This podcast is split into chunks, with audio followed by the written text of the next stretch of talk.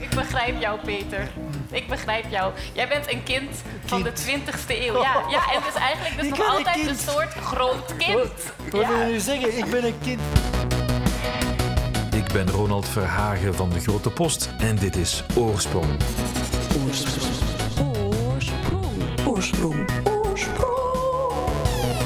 Flashback naar het Kiem Festival begin oktober met De Hoe, de samentrekking van Hof van Ede en compagnie De Koe.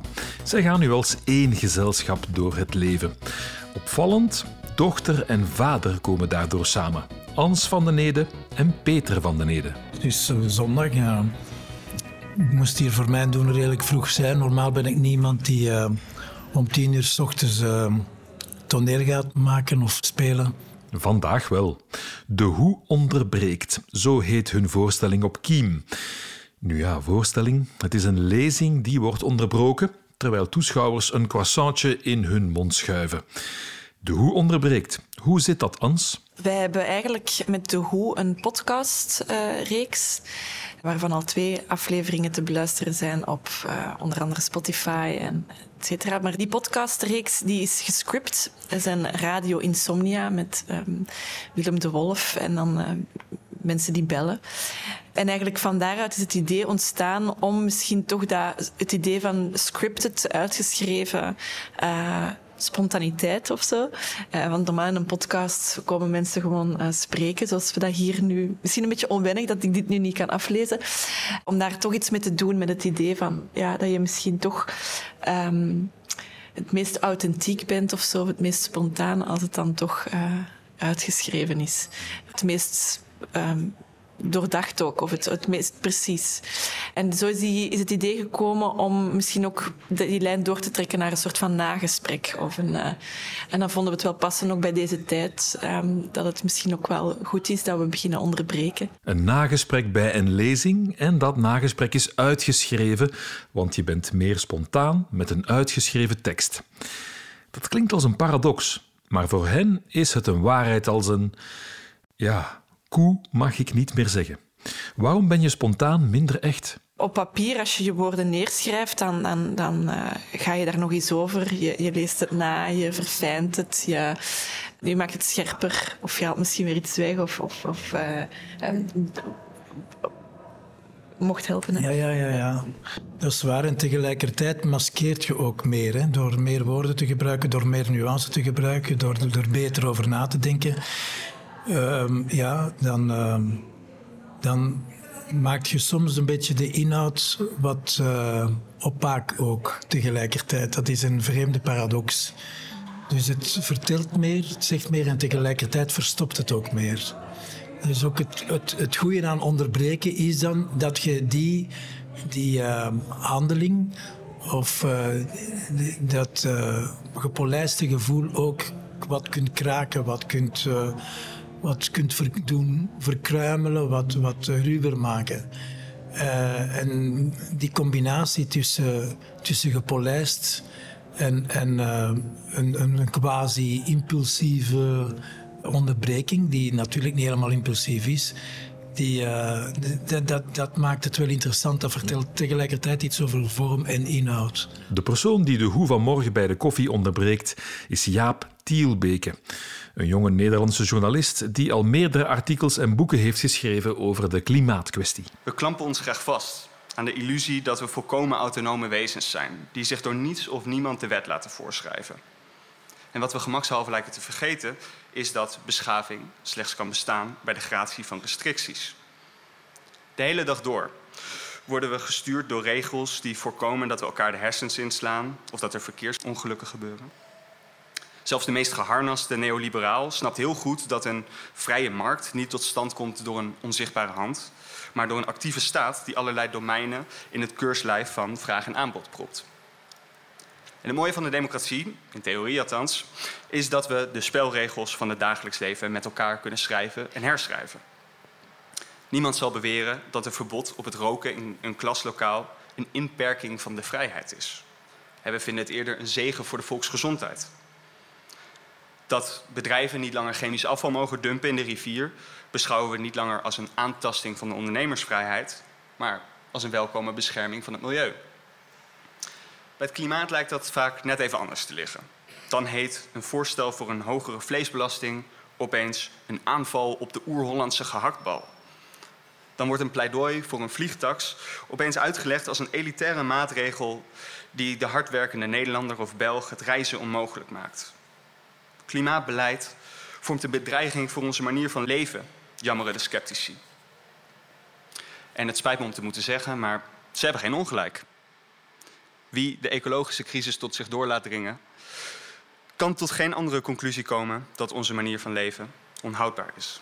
Uh, we hebben in de tijd, toen we nog, uh, uh, nog niet de hoe waren, had Hof van Eden ook een voorstelling, de Big Dropout, die heel erg ging over het klimaat. dus dat is wel iets, um, ja, zeker waar dat Wannes, Wannes Gijzelink ook al, al, heel lang mee bezig is. dus die Jaap ook kende, of niet persoonlijk, maar hem kende als klimaatjournalist. Uh, dus ja, dat sprak wel meteen aan. Jaap Tielbeke. Zometeen wordt hij onderbroken door Peter Ans en de andere leden van De Hoe. En die onderbreking zal focussen op het conflict tussen generaties. Ouderen die de klimaatkwestie nuanceren en jongeren die de urgentie aanvoelen. Het is wel vaak zo dat ouderen, waaronder ik hoor, uh, zoeken naar inderdaad de nuance. Of naar proberen gewoon iets minder radicaal daarin te zijn. En tegelijkertijd is het wel zo dat je dit echt niet meer kunt ontkennen. Heel die klimaatdestructie. Dus er, je moet daar iets mee, mee, mee doen. En dan is het een kwestie van op welke manier kun je het beste aanpakken.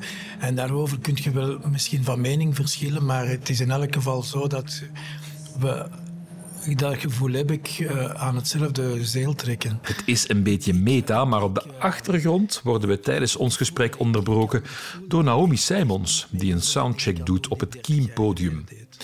Peter gaat verder. Zijn personage dat onderbreekt is op zoek naar nuance.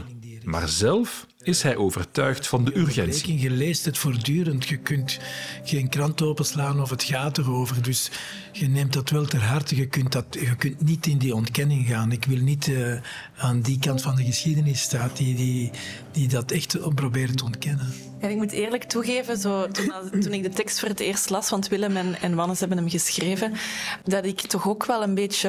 Hè, mijn eerste reactie was dat ik het een beetje moeilijk vond dat we zo weer effectief uh, de rol die Karine en ik, of de jonge generatie, die, uh, uh, um, dat die dan toch dan weer moet gaan verantwoorden of zo.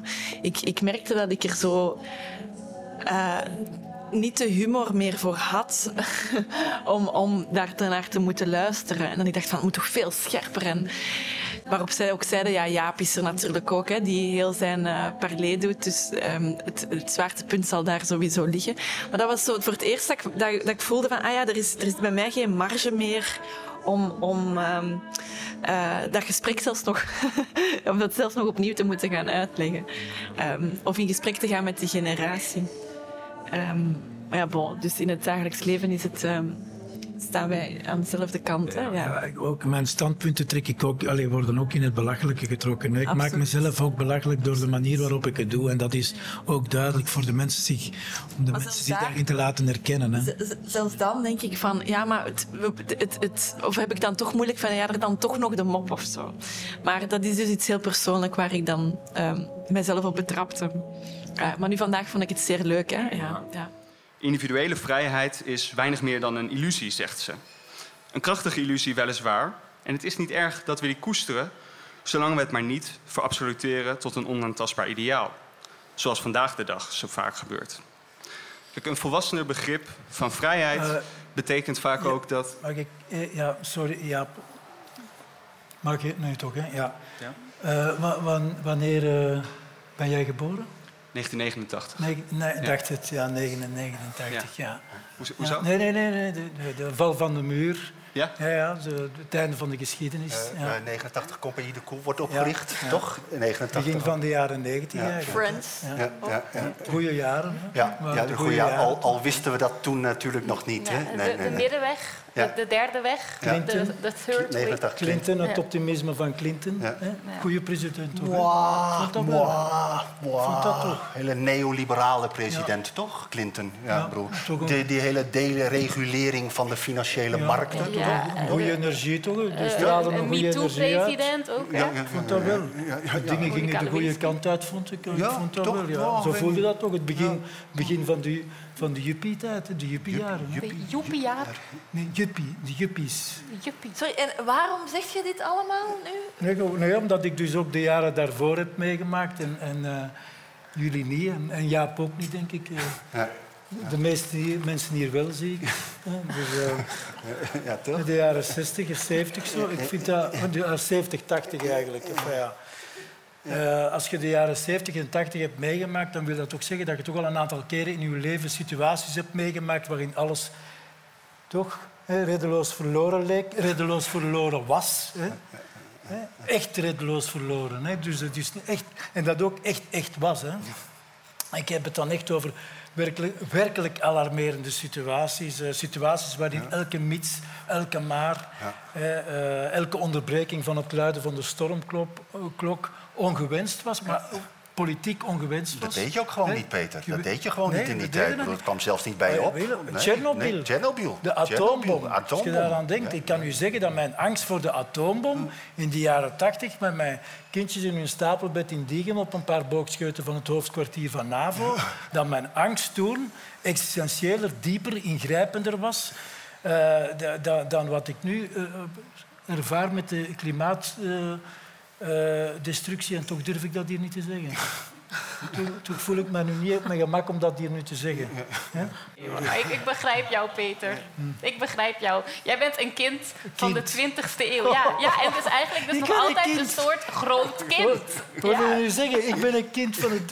Het zou mijn dochter kunnen zijn. Ja, ja. Ik bedoel dat niet slecht hoor, maar dat is misschien wel jullie grootste privilege. Dat jullie ongekende luxe hebben gekend zonder het schuldgevoel dat wij er nu bij voelen. De luxe om, om nog echt in vooruitgang te geloven, ondanks de atoombommen en, en, en de zure regen. Dat jullie hebben echt nog kunnen genieten van wat ons gelukkig maakt. Zonder te weten dat alles wat ons dierbaar is, wat ons leven zo geriefelijk maakt, alles wat ons het gevoel geeft vrij te zijn, dat we dat allemaal, allemaal te danken hebben aan, sorry, ik ga het zeggen, fossiele brandstoffen en verbrandingsmotoren. De leden van De Hoe, Peter en Ans en ook Karin van Brugge en Willem de Wolf zitten mee op scène naast Jaap Tielbeke en onderbreken dus met een uitgeschreven tekst. Wannes Gijsselink zit er net naast. Hij bedient de tekst scroller. Die tekst kunnen we woordelijk volgen op een scherm op de achtergrond. Zo zien we dat er niets wordt geïmproviseerd. Of toch? En nu moet je tegenwoordig allemaal alles uitleggen. Karine, ik ga je moeten onderbreken. Ehm, Wat, wat, niet wat doe je nou, Peter? nee, nee, ik weet wat ik doe. Ik ga nu niet door met het script. Ik ga los van het script even. Ik heb iets anders opgeschreven nu. Ja. Sorry, maar nee, dat was niet de afspraak. Nee, Ja. ik onderbreek. Ik Sorry, kijk, zoals je kan zien ging ik dus nog wel een tijdje Ja. door. Ja. En, Ja. en dan kwam er nog een dialoog waarin Peter verder zichzelf belachelijk Ah, ging maken. ja, daarom. daarom dacht ik, ja. ik onderbreek nu gewoon even de onderbreking. Dus de uitgeschreven onderbreking met een andere uitgeschreven onderbreking. Eigenlijk. Omdat ik zie dat de mensen hun aandacht verslapt. Ik zie dat ze zo een beetje aan het, aan het stilvallen zijn. Ik wil Hoezeer is de klimaatkwestie doorgedrongen in de persoonlijke levens van Peter en Ans? Ik ben daar wel, eh, mee- wel heel erg mee bezig al. Ja, sowieso. Maar ook natuurlijk... Allee, we hebben nu net eh, een, een verbouwing achter de rug waar dat je met heel veel dingen rekening houdt. Maar dat zijn ook kosten. Het, het zal ook sociaal gecorrigeerd moeten worden of het zal, het zal, het zal niet kunnen gebeuren. Je moet zien dat, iedereen, dat niemand uit de boot valt. Maar het hangt wel aan elkaar, hè? met alles. Met uw consumeren, de, de, eh, ja, economie, oorlog. Allee, het zal, eh. Eh, maar ja, ik kan daar wel rekenen. En jullie, naar mijn gevoel ook wel. Ja, mijn vrouw is vegetariër, dus ik eet al sowieso veel vegetarisch. Ehm, en ik ben een absolute carnivore in die zin dat ik zeer graag vlees eet, maar dat nu veel minder doe dan vroeger. Dus eh, ik eet bijvoorbeeld als middags nooit vlees, eh, geen charcuterie. Maar als ik dan vlees eet, dan moet het wel van goede kwaliteit zijn. En geniet ik er ook veel meer van. Dus ik vind het ook puur epicuristisch al veel interessanter om het op die manier aan te pakken. En vliegen doe ik ook veel minder dan vroeger, maar ik doe het nog. Maar inderdaad, ik zou daar wel over nadenken. Ik, ik, ik heb er het, gepaste schuldgevoel al bij. Dus ik doe het echt als het niet anders kan of als het prijsverschil exuberant is. Dat ik het gewoon niet kan betalen en ergens toch graag had geweest. Maar ja, goed, ik denk er veel meer over na dan vroeger. Het is generationeel. Hè? Ik merk dat wel. Dat veel meer, we hebben zelf ook geen, geen auto. En, er zijn, en we hebben, we hebben ab, verschillende abonnementen met deelsystemen. Uh, en ik begin dat wel meer en meer rondom mij te zien. Dus ik, ik, daar ben ik dan wel hoopvol. Los van klimaat en andere kwesties... Hoe gaat het met de hoe? De hoe is nu vooral een optelsom van vergaderingen. We komen de hele tijd samen om te vergaderen over hoe we het gaan doen. Maar vooral onze organisatie. Dus puur artistiek moeten we onze eerste ring nog, nog maken. En dat gebeurt ook vanaf, uh, ja, vanaf de, het voorjaar eigenlijk zijn wij, zullen wij beginnen te werken. En dan tegen volgende Theater aan Zee zullen we ja. hier met onze eerste voorstelling staan. Nog even terug naar de fusie tussen de Koe en Hof van Ede. Waarom is die er gekomen? Hof van Ede moest eigenlijk echt wel naar een structureel verhaal kunnen gaan. Niet alleen om te, te kunnen groeien, maar ook gewoon om uh, kwalitatief gewoon te kunnen blijven doen wat we, wat we doen, maken wat we maken. Uh, maar om dan zo terug een hele organisatie rond uh, twee mensen, een hele back-office rond twee mensen te organiseren, leek ons ook niet meer van deze tijd. Dus hebben we eigenlijk de vraag gesteld aan de koe om een nieuwe club te worden. Ook omdat we eigenlijk al heel veel samenwerkten achter de schermen. Waren we al mekaars uh, bevoorrechte getuigen in creaties. Dus nu wordt dat eigenlijk gewoon een beetje geofficialiseerd. Maar ik denk dat er op zich niet zoveel gaat veranderen, behalve de vergaderingen die we nu samen hebben. Um, maar artistiek zullen we wel blijven samenwerken en, en in de verschillende mogelijke combinaties elkaar tegenkomen. En natuurlijk uh, ja, zullen wij altijd ons blijven afvragen hoe gaan we iets doen. En daarom ook die naam natuurlijk. Niet alleen omdat het refereert naar ons respectievelijk verleden, maar ook uh, omdat we ja, die vraag heel essentieel vinden in, in, in het kunstenaarschap. Op het einde van deze podcast peil ik naar de oorsprong van de artiesten zelf. Wat is hun vroegste herinnering? Het eerste huis waar wij gewoond hebben, dat was vlak bij de, de luchthaven, waar mijn, mijn mama toen nog werkte. De uh, geboorte of de zwangerschap van uh, mijn mama van mijn jongste broer, die nu gisteren ook jarig was. Veel herinneringen in dat huis. Mijn mama uh, die zich gesneden had aan een glazen melkfles verzorgen. Ja, zo dat soort van beelden. Ja. Wel, bij mij, het is misschien een beetje dramatisch, maar gewoon het, dat ik aan het huilen was in de duisternis, dat het donker was, huilen van paniek. En dan ging er een kier van een deur open en er kwam er iemand. Ik denk dat dat mijn allereerste herinnering was. Ik heb daar al over zitten nadenken.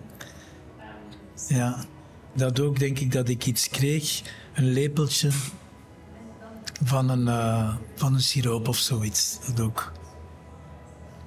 Ja. Was het triestig? Ja, ja. ja. En van dan af moest er altijd een, een uh, weet ik dat, er, dat mijn deur altijd op een kier moest staan. Ja. Die, en, die, en dan was, werd er altijd genegocieerd over hoe groot die kier mocht. Ja, zoals een kleindochter. Ja. Die kier, ja, nee, nee, nee, nee, nee, man. Zo is dat te weinig. Dat moet meer en dan mocht dat niet te veel zijn, want dan zou ik niet in slaap geraken. Maar ik sliep sowieso wel goed. Ja. Laten we stoppen met het vereren van een afgodsbeeld, loskomen van de dwingende beperking van de consumentenmaatschappij en laten we samen proberen invulling te geven aan een volwassen vrijheidsideaal. Dank jullie wel. Dit was Oorsprong met Ans en Peter van den Ede. Dit seizoen komt De Hoe onderbreekt een paar keer terug in de Grote Post. De eerstvolgende keer tijdens het Weekend van de Zee op zondag 4 december. Wie ze dan gaan onderbreken is nog een mysterie. Oehoe. Hou onze media en website in de gaten.